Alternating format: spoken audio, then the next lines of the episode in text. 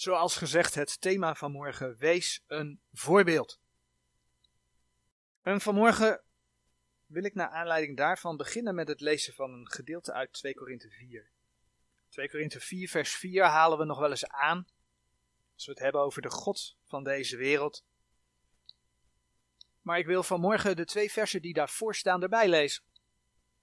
2 Korinthe 4 vers 2 tot en met 4. Maar wij hebben verworpen de bedekselen der schande, niet wandelende in arglistigheid, noch het woord Gods vervalsende, maar door openbaring der waarheid onszelf aangenaam makende bij alle conscienties der mensen, in de tegenwoordigheid Gods. Doch indien ook ons evangelie bedekt is, zo is het bedekt in degene die verloren gaan. In de welke de God deze eeuw de zinnen verblind heeft, namelijk der ongelovigen, opdat hen niet bestralen de verlichting van het evangelie der heerlijkheid van Christus, die het beeld Gods is. Paulus die geeft in dit gedeelte aan niet te wandelen in zondige praktijk. Hij leeft niet in vrome schijn door de schande te bedekken. Hij wandelt niet in arglistigheid, hij wandelt niet in sluwheid. Hij pleegt geen bedrog. Hij vervalst het woord van God niet, maar hij openbaart de waarheid aan de gewetens van mensen in Gods tegenwoordigheid. God ziet alles. God ziet alles wat je doet. God ziet alles wat je doet. Maar van wat je laat zien, ziet niet alleen de Heere wat je doet. Van wat je laat zien, dat ziet ook je medemens. Die ziet dan ook wat je doet. En dan staat er in 2 Korinthe 4 vers 3 geschreven. Doch indien ook ons evangelie bedekt is, zo is het bedekt in degene die verloren gaan. En dan voegt 2 Korinthe 4 vers 4 eraan toe dat het de duivel is die mensen verblindt, zodat ze het evangelie niet leren kennen. Maar 2 Korinthe 4 vers 3 begint met het woordje doch. 2 Korinthe 4 vers 3 begint met het woordje maar. Dat betekent dat het evangelie dus ook bedekt kan zijn door een oneerlijke levenswandel. Door in zonde te leven, maar het vroom te bedekken. Door bedrog te plegen. Door het woord van God te vervalsen. Ook dan zal het evangelie bedekt zijn. En zal het evangelie mensen niet verlichten. Dan zeggen mensen, oh kijk daar, daar heb je die christenen ook. Ze zeggen God te geloven, maar ondertussen. En vul maar in. Als wederom geboren, dan behoor je dus een voorbeeld te zijn. Een voorbeeld. En dat is ook wat er gezegd wordt in Colossense 4 vers 5. Colossense 4 vers 5. Wandelt met wijsheid bij degenen die buiten zijn, de bekwame tijd uitkopende. Dat gaat niet over het spreken in wijsheid. In het spreken moet je ook wijsheid betrachten. Maar dat betekent niet dat je Gods woord dan maar niet moet brengen of zo. Hè? Vers 6. Uw woord zij alle tijd in aangenaamheid met zout besprengt.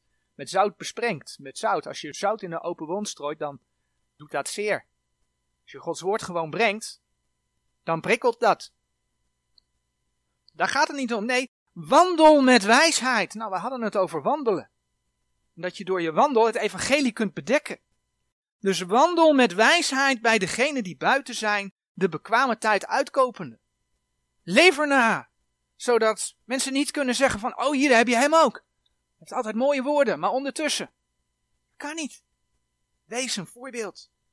Als je het over God hebt, maar je wandel is er niet naar, dan kun je dus een blokkade zijn voor anderen om hun leven aan de Heer te geven. Nou, waarom deze inleiding? Tijdens de coronacrisis van de afgelopen twee jaar kwamen de kerken en ik spreek maar gewoon even namens de kerken. Een paar maal in het nieuws. Men kon er niet mee leven dat samenkomsten gewoon doorgingen. En dat veel van die kerken zich netjes aan de maatregelen van de overheid hielden. Dat veel van die kerken zelfs, daar heb ik het een en ander over gelezen, bepaalde luchtzuiveringsinstallaties hebben om te zorgen dat die lucht schoon is in die gebouwen. Daar hoorde je de journalisten niet over.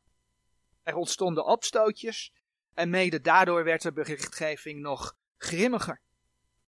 Halve waarheden hebben eraan bijgedragen dat er een vijandigheid ontstond naar de kerken toe. Nederland had tot voor de coronacrisis geen minister meer van eredienst. Dat was afgeschaft. Maar die functie is opnieuw in het leven geroepen. De overheid en controle op wat er in kerken gebeurt. En als dat verder gaat, het verbieden van bijvoorbeeld huisgemeenten. Dat kennen we uit bijvoorbeeld diverse communistische landen.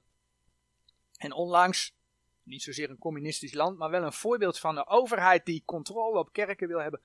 Onlangs overigens een berichtje van een bepaalde staat uit India. Dat voorgangers daar naar het politiebureau gehaald zijn. En ondanks dat de Indiase grondwet blijkbaar een fundamenteel recht heeft op godsdienstvrijheid en levensovertuiging, werden zij gedwongen om een brief te ondertekenen om hun bijeenkomsten te stoppen. Nou, zover is het in Nederland natuurlijk niet. Maar als het om de minister van Eredienst gaat, dan gaat het tot nu toe om, ja, onder het mom van corona, hè, zogenaamde gezondheidsmaatregelen. Maar wat we door de crisis zien, is dat het steeds verder gaat. Op de online platformen zien we dat mensen al niet meer in alle gevallen vrijheid van meningsuiting hebben. Ik bedoel, onze video van het merkteken van het beest is verwijderd omdat ik daar een link heb gelegd tussen de inentingen en alle technieken die ze ontwikkeld hebben en eh, die ze van plan zijn in te gaan voeren en de verwijzing naar wat openbaring over het merkteken van het beest laat zien. Video is verwijderd van YouTube, ondertussen hebben we het BitChute kanaal, dus de video is nog online te zien. Maar vrijheid van meningsuiting, dat zie je afbrokkelen. En die ontwikkeling gaat steeds verder zal de overheid zich ook in Nederland gaan bemoeien met wat kerken prediken. Feit is dat de maatschappij aan het groeien is naar wat wij kennen uit de Bijbel, het antichristelijk rijk. En we weten dat in de 70ste jaarweek, vaak spreken we dan over grote verdrukking, maar grote verdrukking is eigenlijk de tweede helft van de 70ste jaarweek dat in de 70ste jaarwerk die antichrist zich in de tempel zal zetten en zich als God zal laten vereren. Ik denk dat we het allemaal wel kennen, 2 Thessalonicense 2 vers 4. Dat schrijft daarover. In de grote verdrukking, de 70ste jaarweek, daar zal verering van de God van de Bijbel niet welkom zijn. Sterker nog, dat zal verboden gaan worden. En een ieder die Jezus Christus dan kent, en dan bladeren we naar Openbaring 17, die zal vervolgd gaan worden. We kennen wel wat Openbaring 17 allemaal over de grote hoer. Over verborgenheid, het grote Babylon, de moeder der hoererijen zegt. Die namen die ik net noemde, vind je in Openbaring 17 vers 1, in Openbaring 17 vers 5. Maar laten we in elk geval Openbaring 17 vers 6 lezen. En ik zag dat de vrouw dronken was van het bloed der heiligen en van het bloed der getuigen van Jezus. En ik verwonderde mij als ik haar zag met grote verwondering. Als gemeente van Jezus Christus weten we dat we opgenomen gaan worden. Dat zijn woorden waarmee we elkaar, zegt Gods woord, 1 Thessalonicense 4 vers 18, mee mogen vertroosten. Maar de Heere laat zien dat er in die tijd van 70ste jaarweek, grote verdrukking, velen tot geloof gaan komen. In openbaring 7 vers 9 vers 14, daar lees je over een grote schare. En ja, wat je dan ook leest in openbaring is dat zij het met de dood zullen moeten bekopen. Men zal zwaar vervolgd worden. Nou, als we dan juist in deze tijd, waarin we alles zo versneld zien worden, een ontwikkeling zien, waarbij er negatieve aandacht is voor alles wat met kerk en met wat met Gods woord te maken heeft, ja, dan past dat in het plaatje. Het is een ontwikkeling. En dat zien we gewoon gebeuren. Ik stelde de vraag: zal de overheid zich ook in Nederland gaan bemoeien met wat kerken prediken?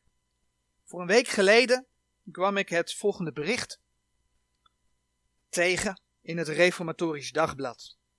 En dat bericht dat stelt als titel Justitie bezorgd over christelijke complotdenkers. En ik ga uit dat artikel ga ik het een en ander citeren. Ik heb er eigenlijk een soort samenvatting van gemaakt, dus het is een wat langer citaat. Ik zal zeggen op het moment dat dat citaat stopt. Maar voor het vervolg is het wel handig om dat mee te krijgen. Ik citeer dus. Bijbelteksten vlogen de agenten bij tijd en wijle om de oren. Rechercheurs die afgelopen jaar complotdenkers aan de tand voelden, vonden nogal eens christenen tegenover zich in de verhoorkamers. Neem Max van den B, de jongeman die tijdens de coronademonstratie vertelde dat hij elke dag bidt en in de Bijbel leest en die actief was als evangelist. Van den B stond een half jaar geleden met een fakkel te zwaaien bij de woning van D66-leider en bewindsvrouw Sigrid Kaag en schreeuwde dreigende teksten naar haar. En dan Reinier H. uit Dordrecht, die zich ook als christen afficheert. De zeventiger had een filmpje verspreid waarin premier Rutte, minister Hugo de Jonge en RIVM-baas Van Dissel met een strop om de nek in oranje overal waren afgebeeld. De suggestie wordt gewekt dat ze worden opgehangen, waarbij in beeld komt eindelijk hun verdiende straf. Alle drie christenen dus. Allemaal lieten ze zich inspireren door de Bodegravengroep. Justitie is bezorgd over de aantrekkingskracht die de vier complotdenkers uitoefenen, dan wel uitoefenen op andere christenen, zowel uit evangelicale als reformatorische hoek. Bij de recherche verklaren deze complotdenkers meermalen diep religieus te zijn. Diverse christenen zijn vatbaar voor opmerkingen die de Bodegravengroep maakt over bijvoorbeeld de strijd tussen licht en duister of over Satan. Justitie ziet dat in online gesprekken bijbelteksten worden aangegrepen om in opstand te komen tegen de overheid. De aanklacht tegen de internetpastor Hans de M staat onder meer zijn oproep tot het ontvoeren en vermoorden van minister De Jonge. De eerste keer dat je hem ziet in Den Haag, of waar dan ook, pak hem, douw hem in je auto, douw hem in je kofferbak, afvoeren. Deze smerige, gore dokter Mengele, moorddictator, moet opgeruimd worden. Zwijstra, opgegroeid in de reformatorische kring, is niet verbaasd dat christenen vatbaar zijn voor complotverhalen. Juist in evangelische en bevindelijke kring benadrukken ze sterk het belang van een persoonlijke relatie met God. Er mag niks tussen jou en God instaan. Dan vind ik het niet onlogisch dat sommige mensen in die kringen instituties niet aanvaarden. Vervolgens is het nog maar een kleine stap naar complotdenken.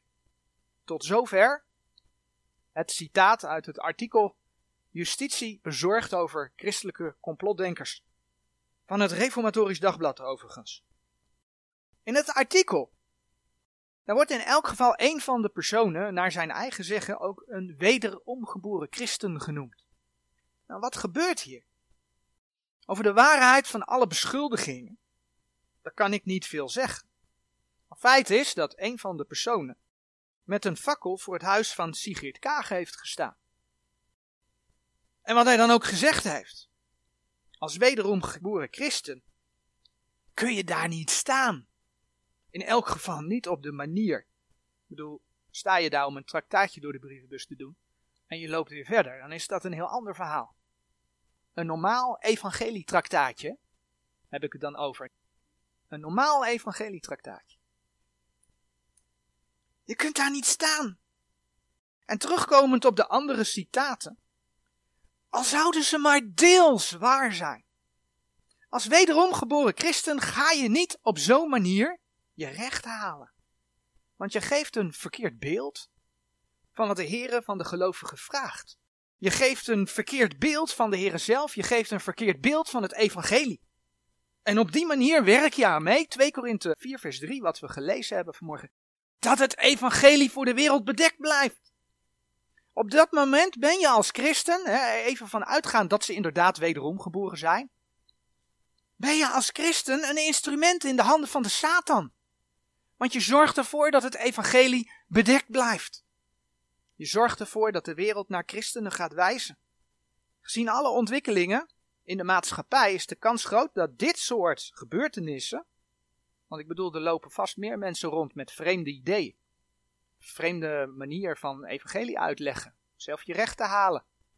Dat dit soort gebeurtenissen in de toekomst aangegrepen worden, want we hebben ondertussen minister van Eredienst, om de macht van de overheid in kerken en gemeenten te gaan vergroten. Ik bedoel, we hebben net het hele verhaal eigenlijk een jaar geleden achter de rug dat al die kerken negatief in het daglicht zijn. En dan krijg je nu dit. Dat is niet voor niks. Dat is stemmingmakerij. Justitie bezorgd over christelijke complotdenkers. Daar krijgt het christelijk geloof, daar krijgt de Bijbel, daar krijgt de kerk weer een duw mee. Dus deze mensen, als ze al wederom geboren zijn, doe ik geen uitspraak over, maar als ze al wederom geboren zijn, beseffen gewoon niet waar ze mee bezig zijn. Beseffen ze niet. Misschien dat er dan mensen zijn die zeggen, ja maar de Bijbel geeft toch aanleiding om eigen recht te halen. Ik bedoel, als ik de psalmen ga lezen, dan kom ik daar verschillende psalmen tegen. Dat wordt ook wel de vloekpsalmen genoemd. De vloekpsalmen. Psalmen waarin vervloekingen staan. En dat zijn psalmen met een dusdanig duidelijke taal, dat ze door theologen ook vaak niet begrepen worden.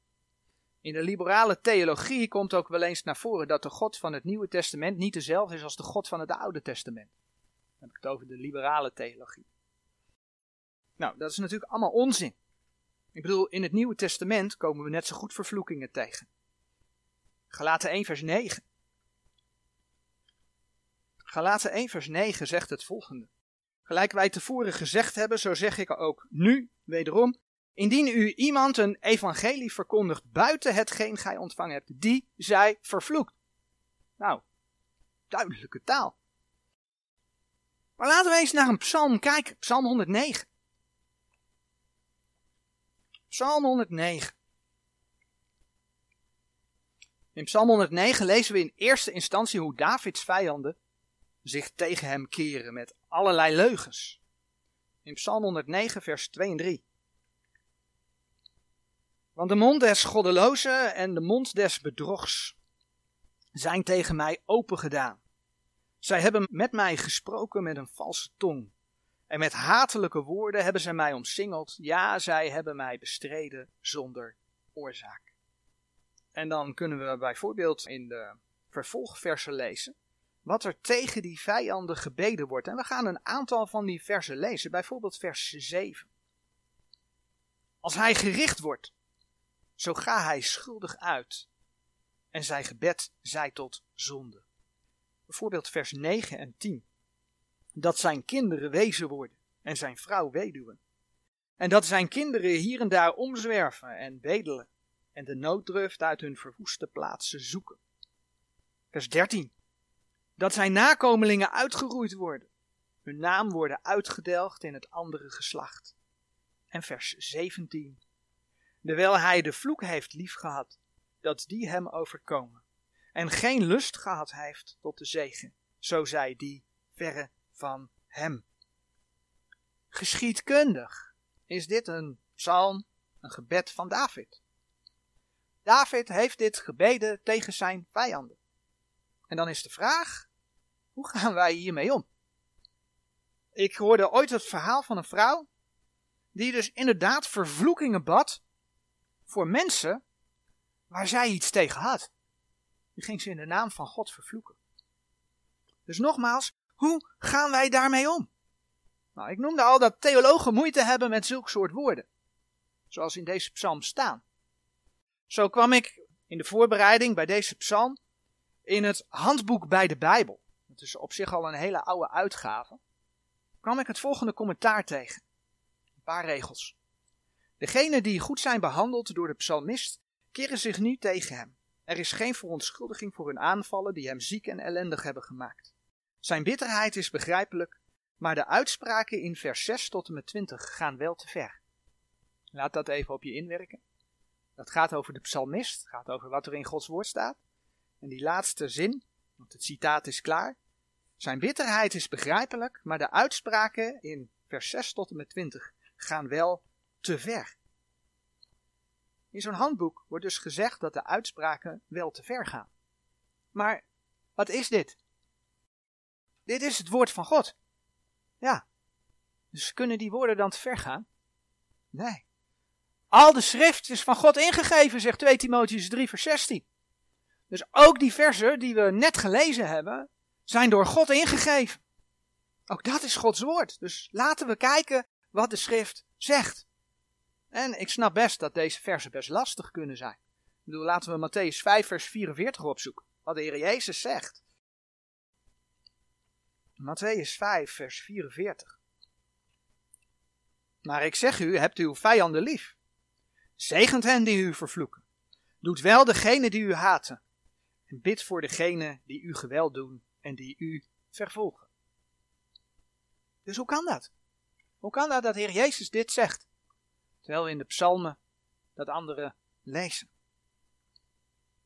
Terwijl we ook in het Nieuwe Testament, ik zal het niet alleen bij de psalmen laten, terwijl we ook in het Nieuwe Testament, gelaten 1 vers 9, lezen dat iemand die zich er niet aan houdt, dat hij vervloekt is.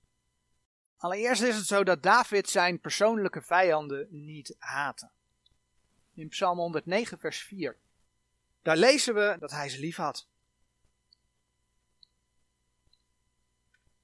En als antwoord op zijn liefde stonden ze tegen hem op. Psalm 109, vers 4. Voor mijn liefde staan zij mij tegen, maar ik was steeds in het gebed. David gaf ze zelfs liefde, maar juist daardoor stonden ze tegen hem op. En als we dan bijvoorbeeld, uh, hou de hand bij Psalm 109, want dan gaan we iedere keer terugkijken. Als we dan bijvoorbeeld in Psalm 5 kijken, daar komen we eigenlijk hetzelfde tegen.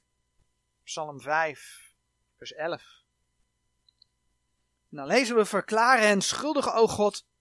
Laat hen vervallen van hun raadslagen. Drijf hen heen om de veelheid hunner overtredingen. Want ik mag ze niet zo. Nee, dat staat er niet. Wat er wel staat is, want zij zijn wederspannig tegen u.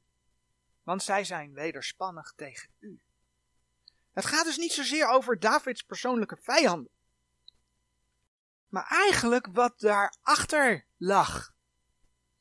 We hebben te maken met een geestelijke strijd, wat invloed heeft op. Als wij op de hoofdstraat staan en er komt iemand langslopen en die begint te schelden, dan is dat iets achter hem, wat hem laat schelden. Het gaat niet zozeer om Davids persoonlijke vijanden, maar iets wat erachter lag. Dus dat de Heer iets duidelijk wil maken over Gods vijanden. Want ze zijn wederspannig tegen de Heere God. En in dat gedeelte bad David voor een oordeel over dit soort mensen. Mensen die tegen de Heere opstaan. Nou is het mooie, en dat is eigenlijk waar het om gaat. Het mooie is dat je ziet dat David niet voor eigen rechter speelt. David nam geen fakkel in de handen. En David die ging zijn vijanden niet uitschelden en bedreigen. Wat David deed in die psalmen is dat hij alles in de handen van de Heere legde. En de Heer is rechtvaardig. Een heel mooi voorbeeld hoe David daarmee omging vinden we in de strijd die er was tussen David en Saul, koning Saul toen nog. In 1 Samuel 26, vers 9 tot en met 11. Daar heeft David de mogelijkheid, en dat krijgt hij ook aangeraden van zijn medewerkers, zeg maar, om Saul te doden. Saul die hem achterna zat, om hem te doden. wat zegt David dan? Nee, dat moet je niet doen. Laten we het lezen. 1 Samuel 26, vers 9 tot en met 11. David daarentegen zeide tot Abisai, verderf hem niet. Want wie heeft zijn hand aan de gezalfde des Heren gelegd en is onschuldig gebleven? Verder zeide David, zo waarachtig als de Heere leeft, maar de Heere zal hem slaan. Of zijn dag zal komen dat hij zal sterven, of hij zal in een strijd trekken dat hij omkomen. De Heere laat het verre van mij dat ik mijn hand legge aan de gezalfde des Heren. Zo neem toch nu de spies die aan zijn hoofdeinde is en de waterfles en laat ons gaan. Duidelijk toch? De Heer hoeft maar te spreken en het is afgelopen. Hij sprak en het was er, dat is Genesis. Maar hij hoeft ook maar te spreken en er is een eind aan die nare situatie. Maar God heeft in zijn woord gezegd dat er een antichristelijk rijk gaat komen. Hij heeft het voorzien. Dat gaat gewoon gebeuren. David deed niets tegen Saul. Maar hij liet het over aan de Heer. En voor de gemeente is dat niet anders. Laten we naar Romeinen 12 gaan. Romeinen 12, vers 17 tot en met 19. Vergeld niemand kwaad voor kwaad. Bezorgt hetgeen eerlijk is voor alle mensen. Indien het mogelijk is, zoveel in u is, houd vrede met alle mensen. Niet alleen met je geloofsgenoten, niet alleen met je broeders en zusters, maar met alle mensen. Wreekt uzelf niet, beminde, maar geeft de toren plaats, want er is geschreven, mij komt de wrake toe, ik zal het vergelden, zegt de Heere.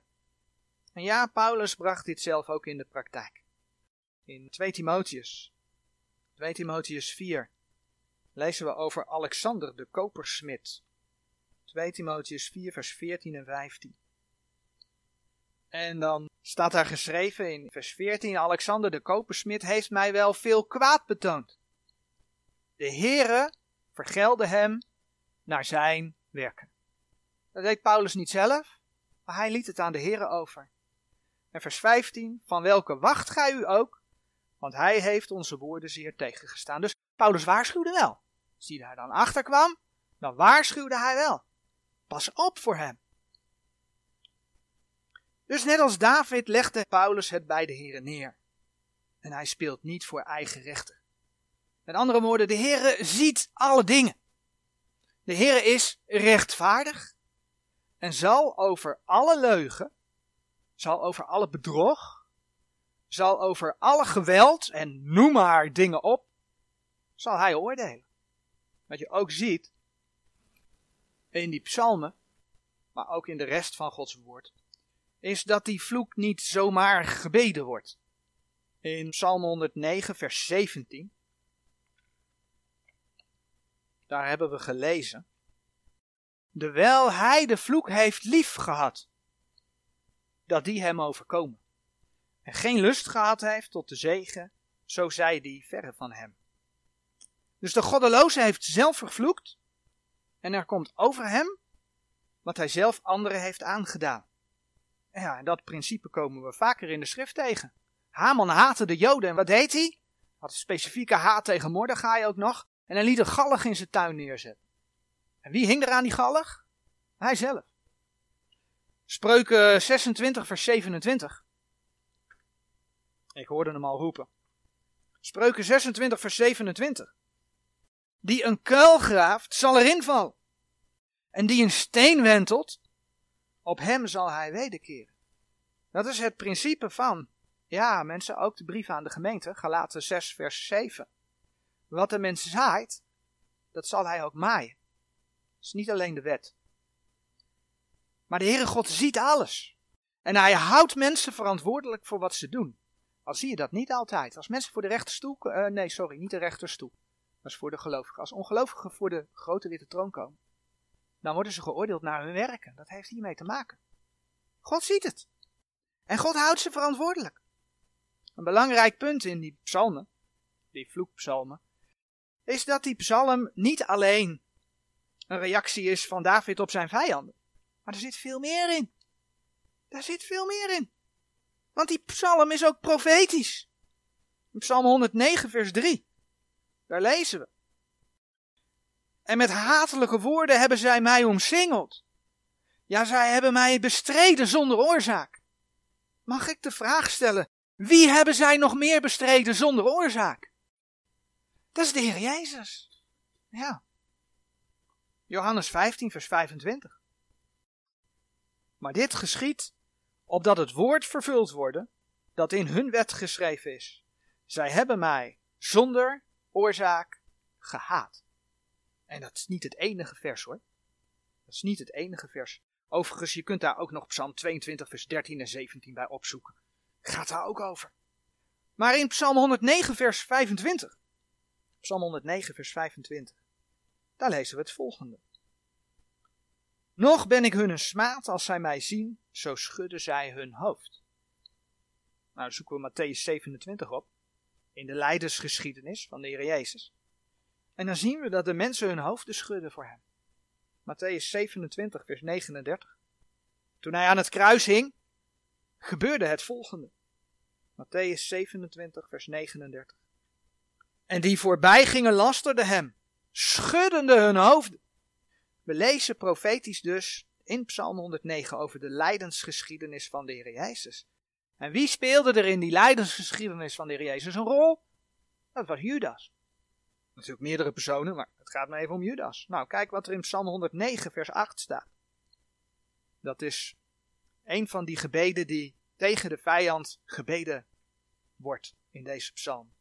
Vers 8. Dat zijn dagen weinig zijn, een ander nemen zijn ambt. Nou, als je in Handelingen 1, vers 20 kijkt, een ander nemen zijn ambt, dan weet je dat het over Judas geprofiteerd is en dat het met Judas in vervulling is gegaan. Laten we het even opzoeken. Handelingen 1 vers 20.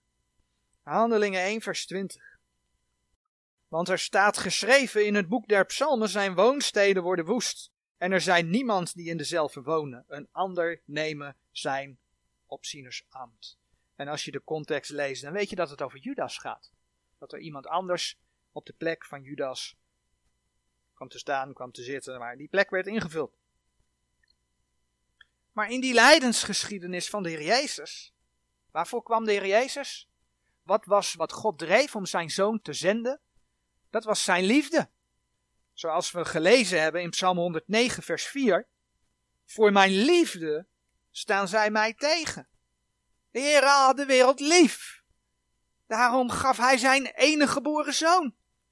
Nou, Romeinen 5, vers 8 en 10 spreken daar heel duidelijk over.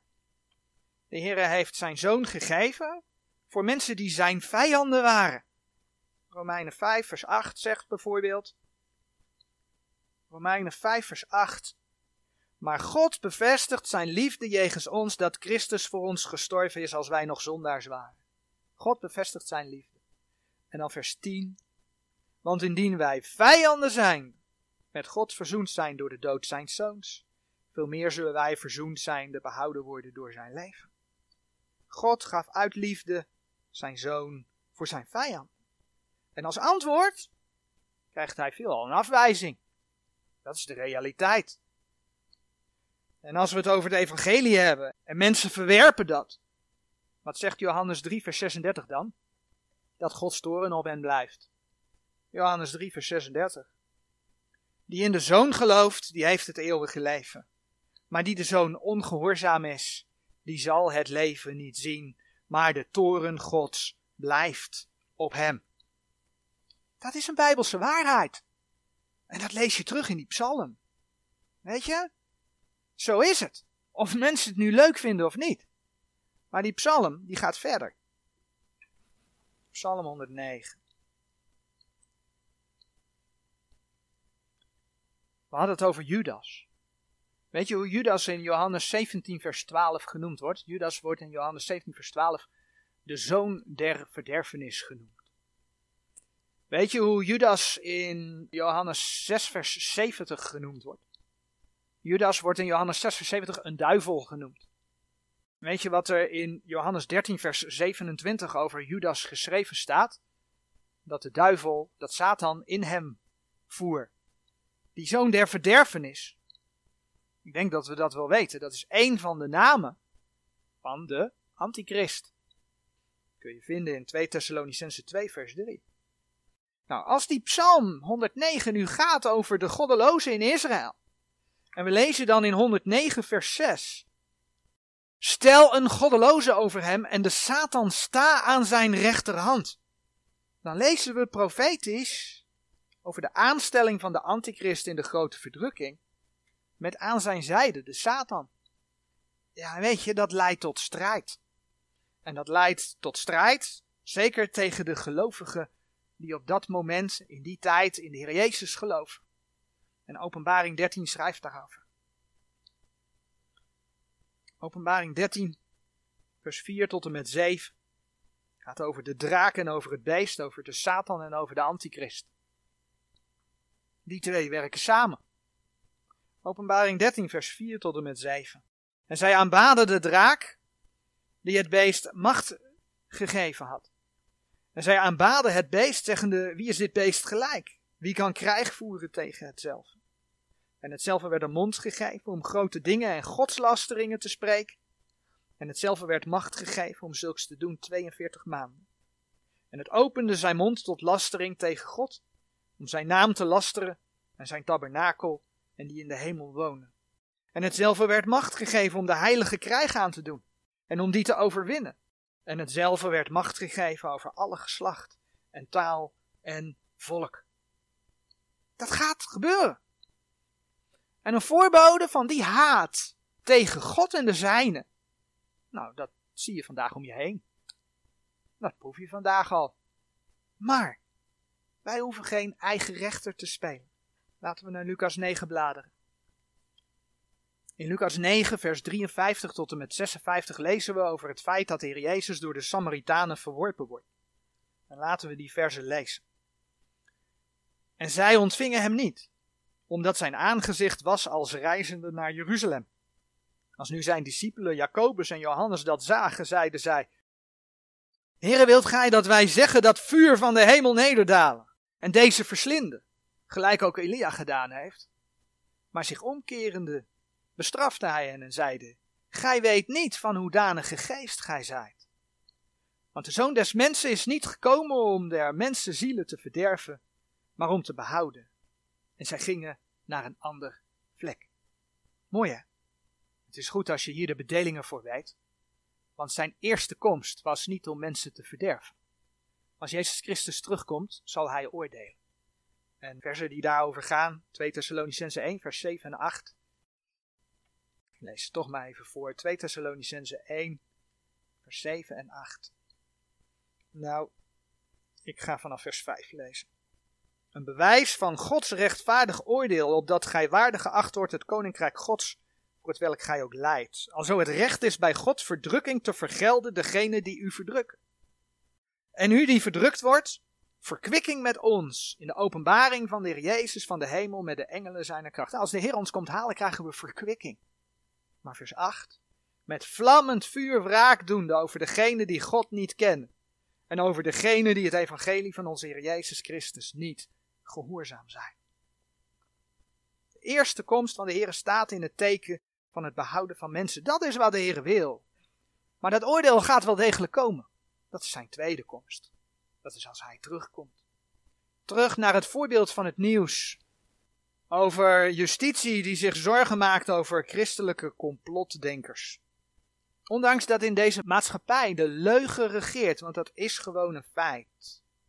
Zoals ook David, hè, Psalm 109, vers 2 en 3 hebben we dat gelezen. David werd geconfronteerd met leugens. David werd geconfronteerd met het feit dat mensen kwade dingen over hem zeiden.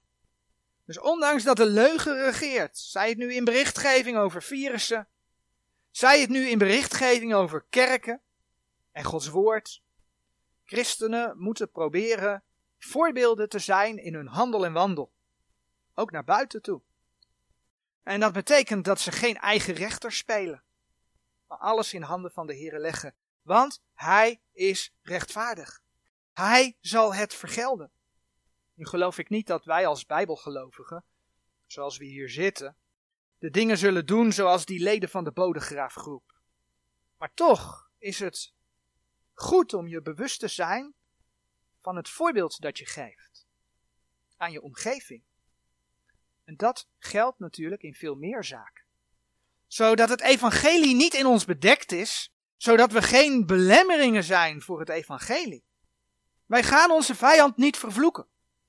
Ja, de Heere gaat gerechtigheid doen. De Heere gaat gerechtigheid doen wanneer mensen tegen hem zijn. Hij zal het vergelden. En als we die ongerechtigheid zien toenemen, ik denk aan president Biden in Amerika, die de ene wet naar de andere wet afkondigt, waardoor je als christen bijna niet meer kunt leven, zeg maar. Misschien een beetje overtrokken. Maar het gaat wel heel ver wat daar gebeurt. Als je daaraan denkt, als je ziet hoe de leugens gebruikt zijn ook om die man aan de macht te helpen. Het is allemaal leugen in deze wereld. En dat zien we toenemen. Weet je wat wij mogen? Wij mogen echt wel bidden dat zijn gerechtigheid gaat komen. De Bijbel eindigt niet voor niets met de woorden Amen, ja kom Heer Jezus. Daar mogen we om bidden. Maar laten we het bij de Heer laten. Want Hij is rechtvaardig.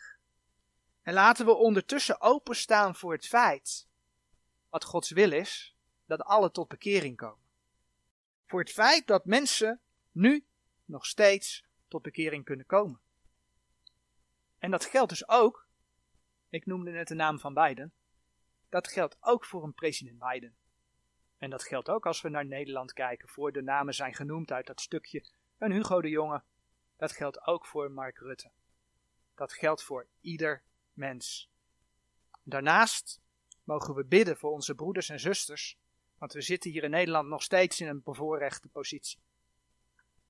Daarnaast mogen we bidden voor onze broeders en zusters in landen waar het verboden is om samen te komen rond Gods woord. Als je niet voldoet aan het stempel wat de staat eraan geeft. Waar het verboden is om Gods woord te bezitten, want het komt ook voor. Denk aan het bericht wat ik vanmorgen aanhaalde uit India. En ook mogen we bidden voor onze overheid. Dat de Heer zelfs in deze tijd nog steeds wil weerhouden, want Hij kan dat. Weerhouden dat de overheid inmenging gaat zoeken in kerken en gemeenten. Zodat we in vrijheid Gods woord kunnen blijven lezen. Zodat we in vrijheid kunnen blijven samenkomen. En zodat we in vrijheid kunnen blijven uitdelen van dat woord. Amen.